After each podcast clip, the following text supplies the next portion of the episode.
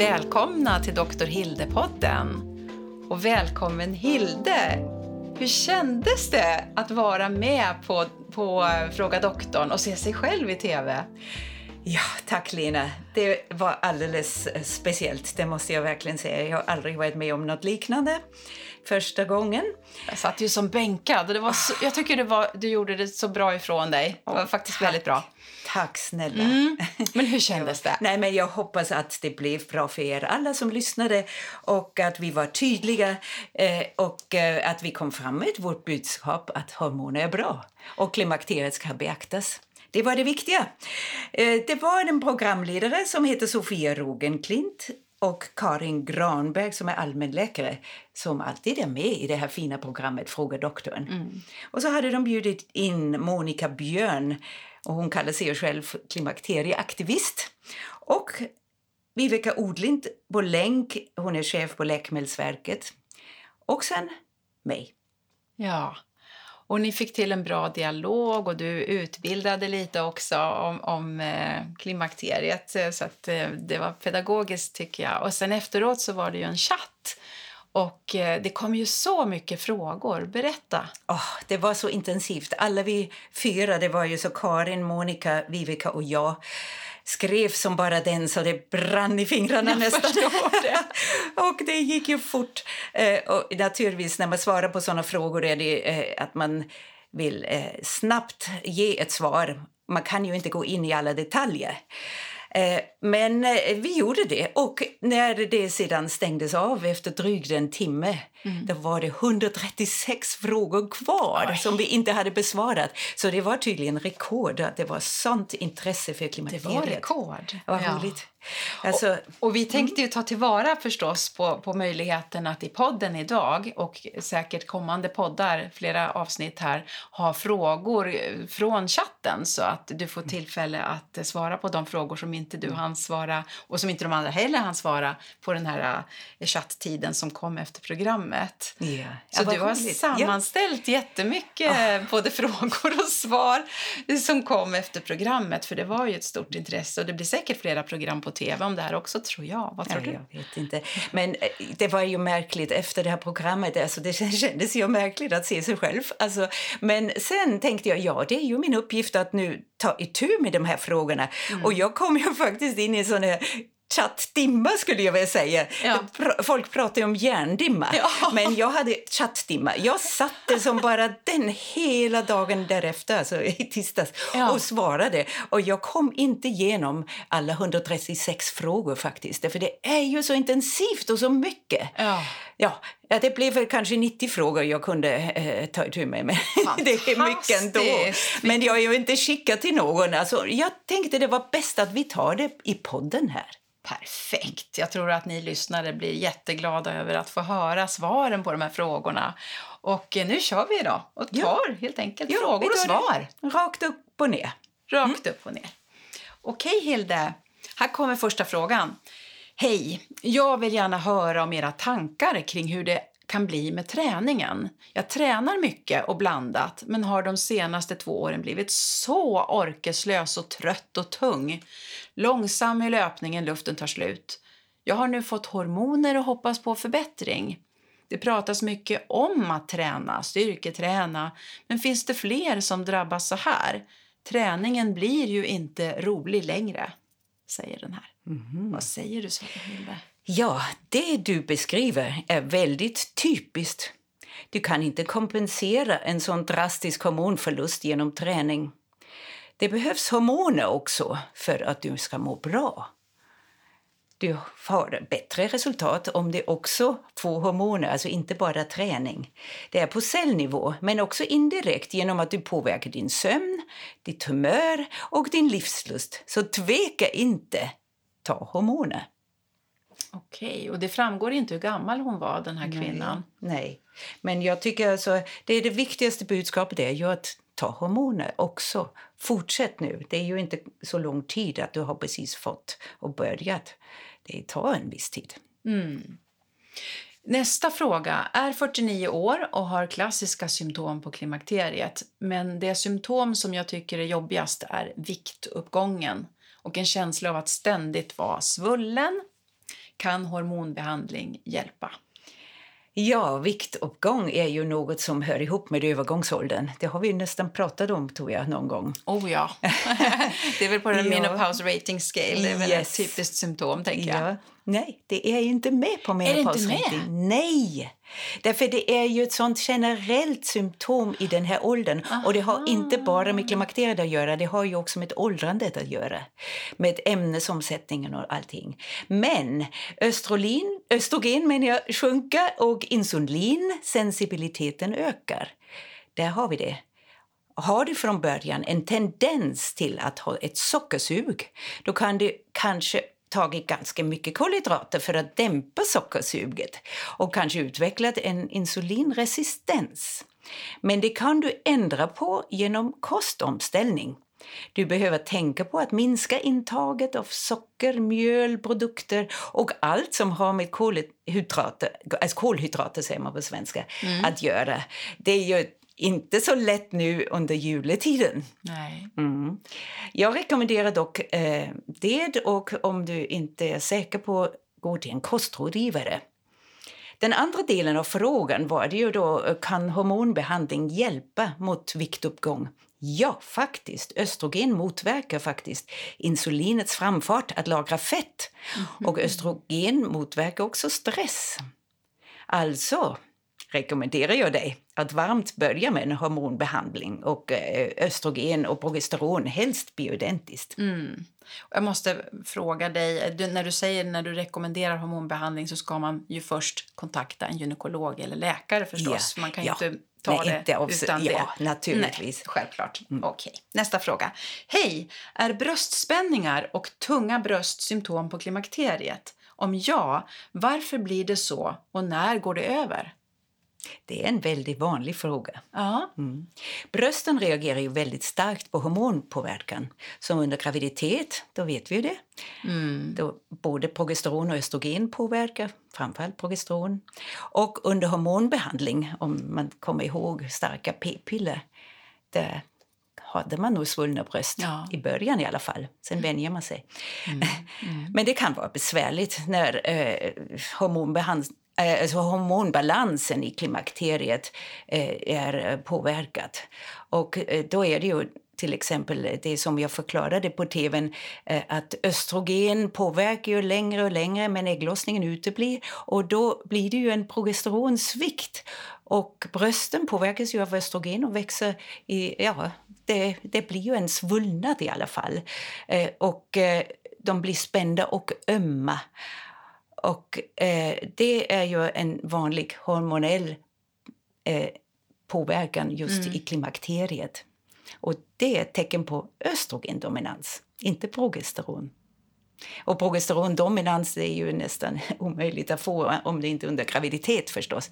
Men eh, progesteron sviktar ju som bekant som första hormonet. Och då får man också oregelbunden mens som följd. Men det som jag menar eh, är just eh, det här svullna bröst som gör ont också. Men det finns ju en annan variant, att brösten blir större och inte ömma. Och det kan bli att eh, det kan vara vid en snabb viktuppgång. Ja, precis. Att Det är det blir för mycket fett. Och då är det just fettceller. De här mjuka brösten, det är alltså inte ömma, men de är stora. Mm. Okej. Mm. Nästa fråga är, svajar hormonerna mer upp och ner under tidigt klimakterie än övriga tider i livet? Ja, visst. Det är ju därför det är svårt att bedöma om du är i klimakteriet bara genom att mäta hormonnivåer i blodet. Det kan ju vara höga och låga och det kan vara på både progesteron, östradiol och FSH, alla de här eh, blodprover man brukar ta under eh, klimakteriet. Eller man ska egentligen inte gå så mycket efter blodprover har jag ju sagt. Därför det viktigaste är kliniska blicken och dina symptom.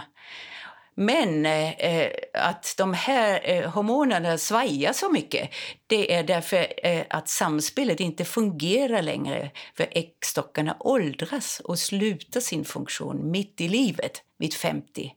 Men just det här åldrandet kan ju redan börja tio år tidigare, Just det. Mm. före menopausen menar jag. när det verkligen är slut med menstruationen. Oh, jag lär mig så mycket, Hilde. det är massor med bra svar. Och Nu kommer en bra fråga till. Jag är 75 år och har fortfarande svallningar, står det. Jag tror man menar vallningar, va? Under 25 år. Eh, ska det aldrig sluta? Har under åren haft plåster med östrogen i många år då jag mådde bra. Nu har jag endast Blicell. Blicell har jag inte hört talas om. Ja, Blicell är en eh, gel som är godkänd även för kvinnor som har haft bröstcancer. Mm -hmm. Och det är en eh, östriol, alltså östriol, det svagaste mm. östrogen. Och så verkar det lokalt och då är det skonsamt också? Ja, det sprutar man in i slidan. Okay. Ja, alltså eh, jag tycker att det här ordet svallningar är bra. Därför det är ju svettningar och vallningar ihop, ja, eller hur? Ja. Jag tycker det är jättebra. Har du hört det ordet förut? Oh ja. Svallningar. Många, jag vet inte om det ingår i Svenska akademin. Oh. Man måste titta efter i ordlistan. Ja, Svallningar. Ja, men mm. det beskriver ju verkligen det här värmevallning och svettattack efteråt. Alltså, och det aldrig tar slut. Det finns ju faktiskt kvinnor som eh, har detta i hela sitt liv. Det tar aldrig slut. Mm. Men eh, ja, det är det. Men nu svar på din fråga här. Om du har så stora besvär då får din doktor överväga att ge dig en liten dos av ditt tidigare plåster igen, tycker jag. Om inte många år har gått, även om du är 75. Och om du är frisk i övrigt, naturligtvis. Det är ju så viktigt att du inte har hjärt-kärlsjukdom.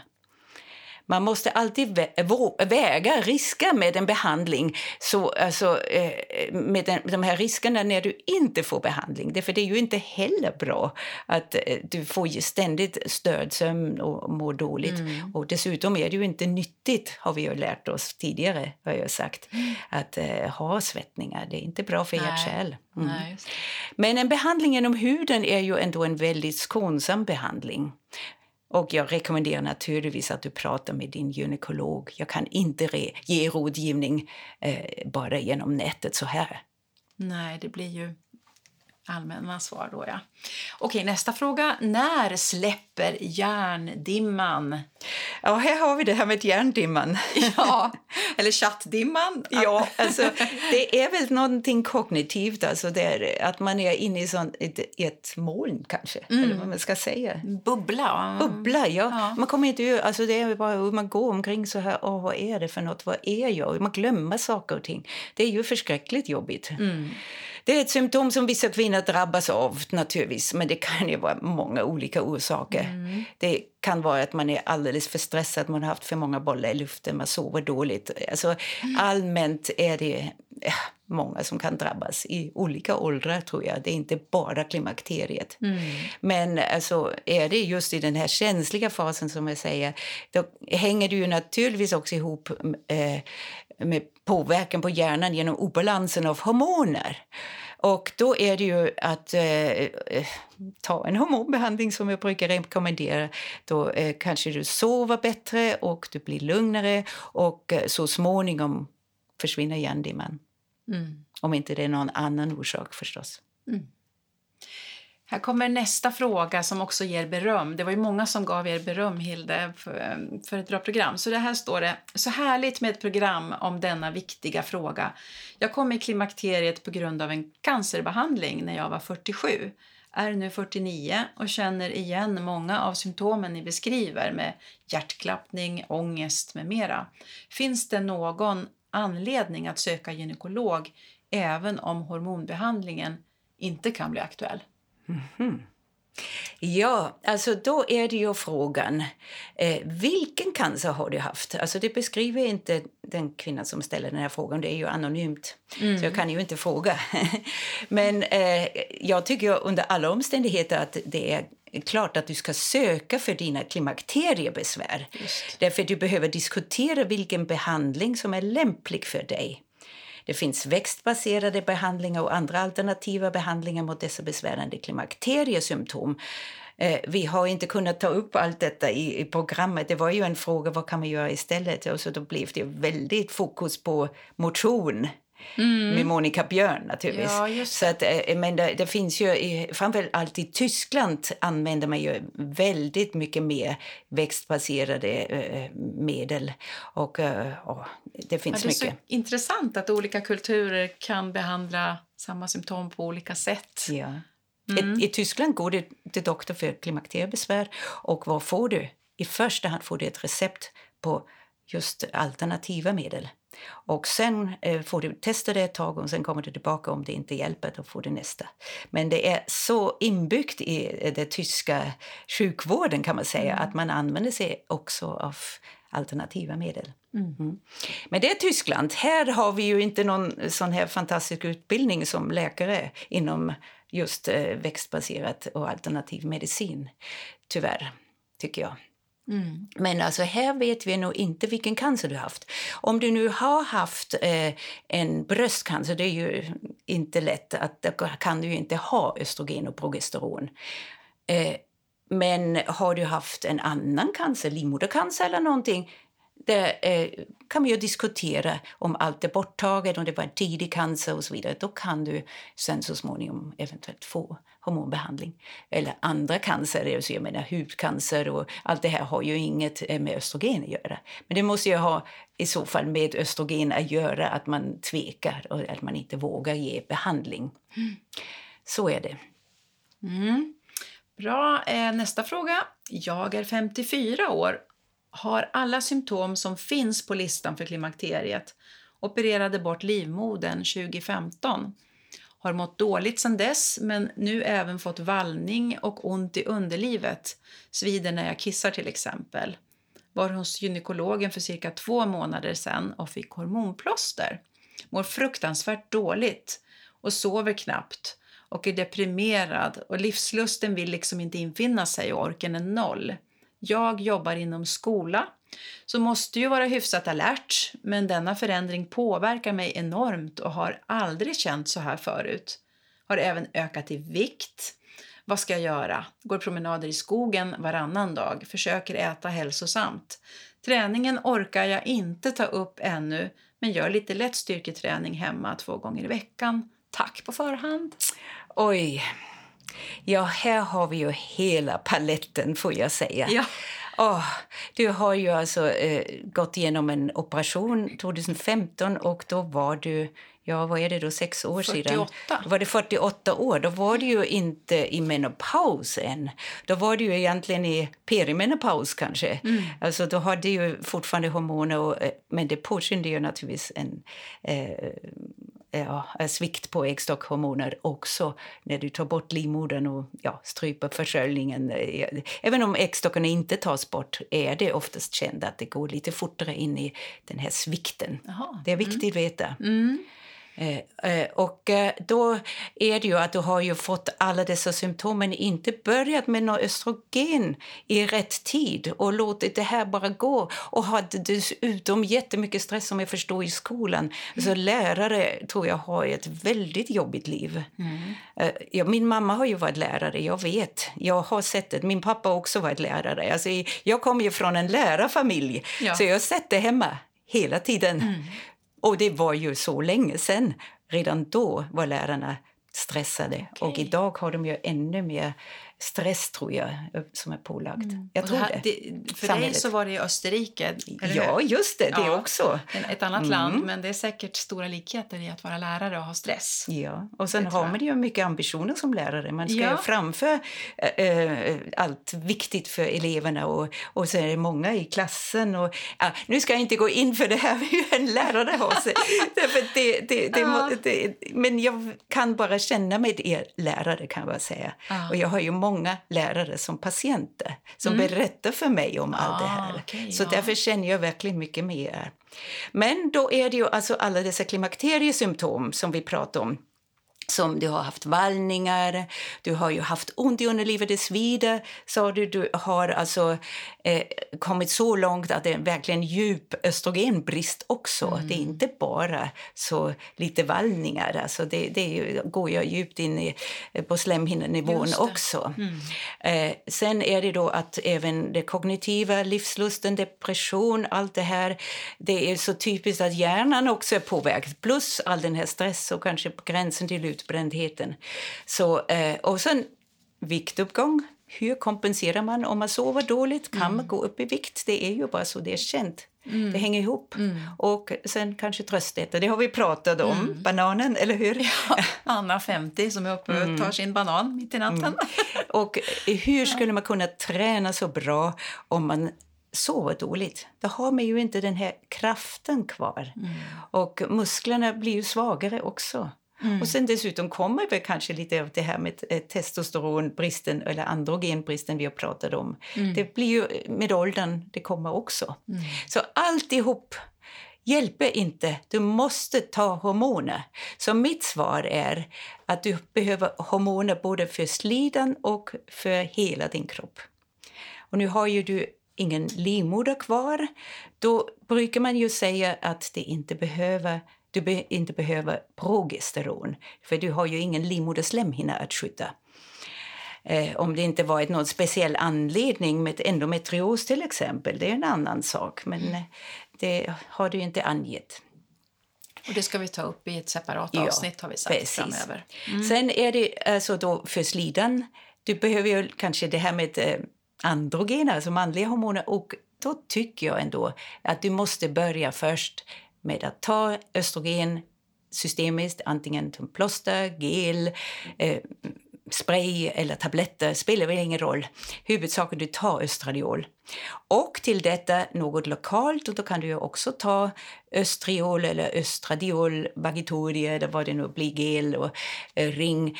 Men det som jag skulle föredra för dig är då i så fall DHEA, som är då lite manligt också. Det har du lite mer testosteron i, i effekten för slidan. Mm. Så gör det.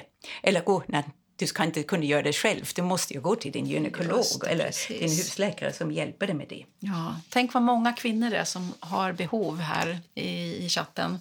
Här kommer nästa kvinna som säger så här. Hur gör man om man inte tål något progesteron men behöver östrogen med tanke på livmoderslemhinnan, har en bindvävssjukdom som inte klarar av progesteron? Du måste nog närmare definiera den sjukdom du har.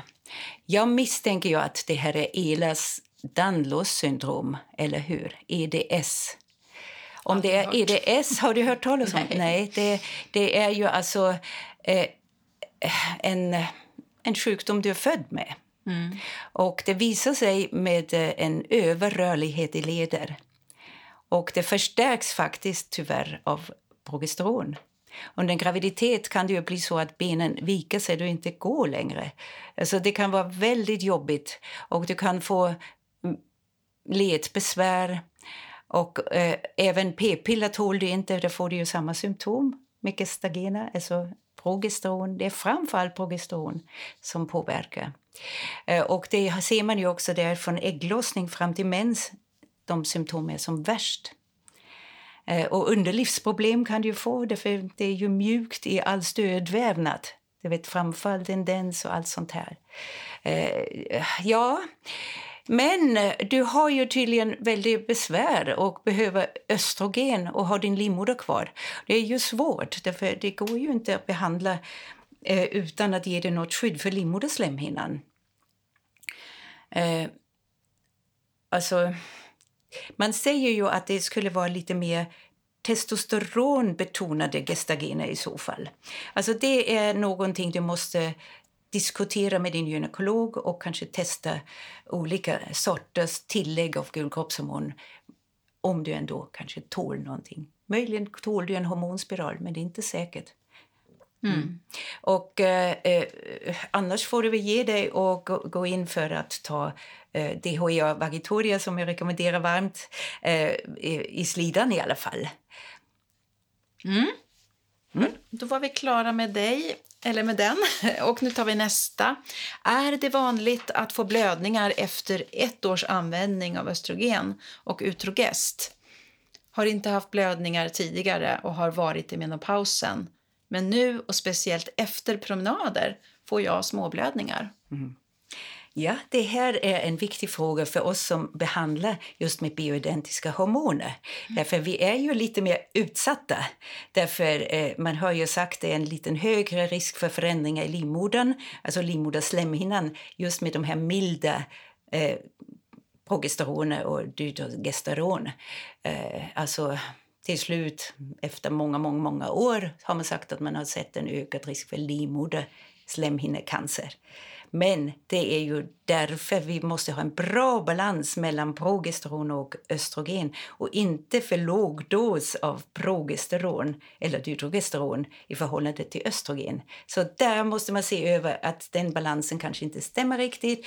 Man reagerar ju olika eh, hur snabbt man bygger upp en slemhinna. Det beror på receptorerna igen. Mm. Men det är en konst och det är därför man måste, titta med, med uh, ultraljud, vaginalt ultraljud. Och det, därför uh, tror jag nog också att det är viktigt att det är läkare som kan vaginalt ultraljud som ska behandla med bioidentiska hormoner. Och det ska inte vara så allmänt till förskrivning.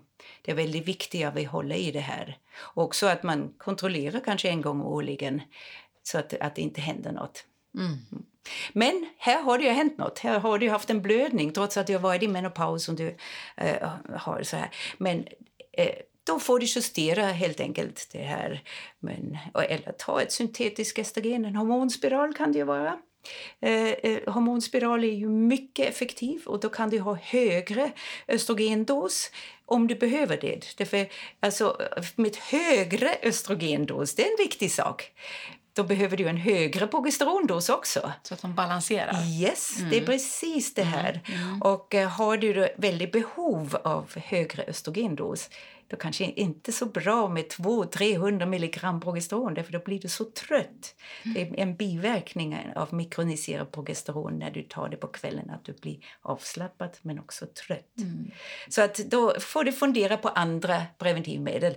Eh, vad preventivmedel säger jag? ja, eh, skyddsmedel för din livmoder, det är det jag menar. Just, men en hormonspiral är ju ett preventivmedel också. Mm. Ja. Men alltså, annars är det ju eh, en sak till jag vill nämna här. Mm. Det, småblödningar kan ju vara tecken på sjukdom. Så Oj. när har du tagit cellprov? Mm. Det är viktigt. Eller har du en infektion? Mm. Det kan vara orsaken också. Så det är viktigt att uppsöka en gynekolog? Absolut. Mm. Många bra frågor är det här och här kommer en till. Tål inte p-piller? Haft två utmattningar och klassiska symptom vallningar, fryser. Är 55 och det började fem år sedan. Vad ska jag göra? Ja, det är verkligen dags att du vågar. Du har ju eh, trott att allt är som p-piller om du skulle få en hormonbehandling, men så är det ju inte. Det finns en stor skillnad mellan p-piller och klimakteriemedicin. Särskilt gynnsamt är naturligtvis de bioidentiska hormoner. Får jag stoppa det där Hilde? Det är mm. så alltså att om man, det behöver inte betyda att man inte tål hormonbehandling under klimakteriet om man inte tål p-piller? Nej. Nej. Verkligen. Jätteviktigt budskap. Ja, ja. därför p-piller innehåller ju oftast eh, syntetiska östrogener. Mm. Alltså då menar jag etynylöstradiol. Det är ett svårt ord. Men eh, eh det, eh, etynylöstradiol är mycket starkare än östradiol. Mm. Och eh, det andra är ju också ett syntetiskt gestagen, som det heter, syntetiskt förändrat progesteron. Därför det är ju känt att progesteron inte kan hämma ägglossningen. Det har vi pratat om tror jag. Eh, och då har man ju alltså i p-piller mycket starkare hormonpåverkan än i de här klimakteriemedicinerna som då bara ersätter det du saknar. Mm. Och i klimakteriemedicinen vi har tillgänglig här, det pratade vi om under avsnittet om hormonbehandling, mm. då finns det ju det bioidentiska östradiol i de här preparaten i de flesta. Och eh, till det har man många gånger ett syntetiskt gestagen, alltså ett eh, progesteron som är förändrat. Men eh, den mildaste och mest skonsamma behandlingen är ju att eh, ta kroppsidentiska hormoner. Då är det progesteron och östradiol. Mm. Okej, så det finns hopp. Ja, våga. våga, Våga testa, och testa. söka. Mm. Du ska inte lida. Bra. Tusen tack för att ni lyfter allt om klimakteriet. Min mamma var i tidig menopaus, 42 år. Jag är 41 år och har haft mycket oregelbunden mens de senaste tre åren. Det känns som att jag har PMS. Nedstämd, irriterad, ångest, virrig. Nästan hela månaden. Inga vallningar. Har varit hos två gynekologer och kämpat för att få utredning men det tar bara blodprov och gör gynundersökning. Konstaterar att jag inte är i klimakteriet och inte behöver östrogen. Progesteronkrämer är bara något som folk försöker tjäna pengar på, säger de. Ska jag fortsätta försöka kämpa för att få lov att pröva östrogen och bioidentiskt progesteron? Undrar vad du svarar Ja. på det? Självklart ska du inte ge dig, tycker jag. Nej. Du befinner dig ganska säkert i början av klimakteriet. Och det första som sviktar är progesteron. Det har vi konstaterat förut. Det finns off-label behandlingar med naturligt progesteron men man måste som förskrivare kunna något om det. Vet du, du har sagt off-label Ja, förut och jag har inte frågat dig men jag tänkte nu frågar jag dig Ja. vad betyder off-label? Alltså om ett eh, läkemedel är godkänt då står det också i FASS och det står ju precis hur man ska göra. Då är det ju officiellt klart. Men om ett eh, läkemedel är i, finns i Sverige eh, som är avsett för något helt annat än klimakteriebesvär till exempel, som till exempel det här progesteron som heter Utrogestan till exempel. Eh, det är alltså kapslar som man använder för att eh, förhindra missfall. Eh, och de tar man vaginalt. Det är alltså vaginalkapslar med 200 milligram mikroniserad progesteron. Men de är bara godkända för behandling vid IVF, eller förhindra missfall. Alltså. Och eh, de är inte registrerade för annat ändamål. Alltså det, det finns ju så många andra användningar för mikroniserad progesteron som vi nu vet, alltså inom klimakteriet, alltså som stöd för livmoderslemhinna och eh, sen också för eh, oregelbundna blödningar i tidigt skede i klimat, som stöd, alltså med ett gestagen. Eh, och eh, sen även tonårsblödningar finns det registrerat eh, för i Tyskland i alla fall. Men inte i Sverige förstås. Det finns ju inte alls. Men eh, det är off-label, alltså att man som läkare då måste förstå att det kan användas på annat sätt. Då måste man ha sett hur det är utomlands, hur man förskriver det, man måste kunna det här. Och då är det ju att det är viktigt att eh, man förskriver det på rätt sätt. Men man utsätter sig ju som läkare eh, för mm, ja, viss fara själv. Därför jag menar, man kan ju bli anmäld om det inte funkar. För då har du ju gjort det bara på egen hand, off-label. Inte enligt riktlinjer som finns i Sverige, punkt. Men som läkare har du faktiskt möjlighet att bestämma detta. Mm. Ja, men då var det alltså då det här off-label progesteron som jag menar. Ja. Det skulle man kunna skriva ut. Och det kan alla skriva ut egentligen, för det finns ju. Men man måste alltså våga och läsa på lite det här. Ja, därför det tror jag att det är det första. Vi har ju pratat om att det första sviktar ju det eh, progesteron. Jag är ingen vän av progesteronkräm. Därför jag, nej, därför progesteronkräm kan man köpa på nätet men det är ju utanför kontrollen av eh, läkare och eh, jag tycker alla dessa forskningar som hittills har funnits visar ju inte det här skyddet för livmoderslemhinnan. Eh, det räcker inte. Alltså, det är ju så vitt samtidig östrogenbehandling säger man. Men om du har mycket östrogen i kroppen och skulle motverka en, en östrogendominans, ja då har du ju svårt när det är så lågt. Det går, alltså, går inte så in i blodbanan på det sättet. Man kan inte mäta riktigt dessa nivåer som man skulle behöva. Men blodbanan är ju en sak. Men det är ju så effekten på livmoderslemhinnan har inte kunnat bevisas med progesteronkräm. Och eh, därför är det inte godkänt inom International Menopause Society och eh, tyskarna inte heller. Så jag går efter de här eh, pro- stora professorer. Jag går efter riktlinjer som, som jag tycker internationellt håller också. Och då skulle jag inte rekommendera progesteronkräm. Men det är inget farligt med progesteronkräm. Det är inte det. Det är bara... Ja, tar du det? Ja, okej. Okay. Det är på din egen risk. Men jag kan ju inte ansvara för detta. Mm. Men det finns ju eh, naturligtvis eh, mycket du kan göra. Eh, vad var det nu mer? Du hade dimma och allt det här. Men jag tror att eh, det är naturligtvis allt det här med eh, motion, kost och allt det här du måste tänka på mm. Eh, så att du mår bra i början av klimakteriet. Ja, precis. Mm. Som vi sa vid något annat avsnitt, att man ska ju ta hand om sig hela livet egentligen, men att det är extra viktigt att tänka på helheten då med kost och motion och sömn ja. och allt precis. det här i den här känsliga fasen, eller hur? Ja, det är precis. Mm.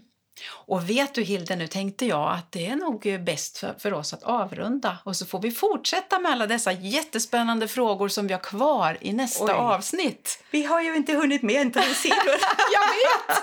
Och det är så roligt, men vi tar det i nästa avsnitt. Ja, ja. Okay. får vi göra. Ja. Nej, men alltså, det är verkligen eh, fantastiskt att ni har varit så engagerade och ställt frågor i, i det här chattprogrammet tycker jag. Och att det är många kanske som har tittat på programmet. Och jag tycker det är så synd att man inte kunde göra mer. Alltså, det var ju väldigt mycket mer jag hade velat säga men det går ju inte om man är så många också. Då får vi se om, om det blir flera program så småningom. Du behöver mera sändningstid, Hilde, och det får du i podden. Så får vi se. Ja, det är roligt. Tack, Lina. Tack vi för fortsätter. idag, Hilde. Vi mm. fortsätter. Mm. Ja. Ja. Tack så mycket. Tack. Hej då. Hej.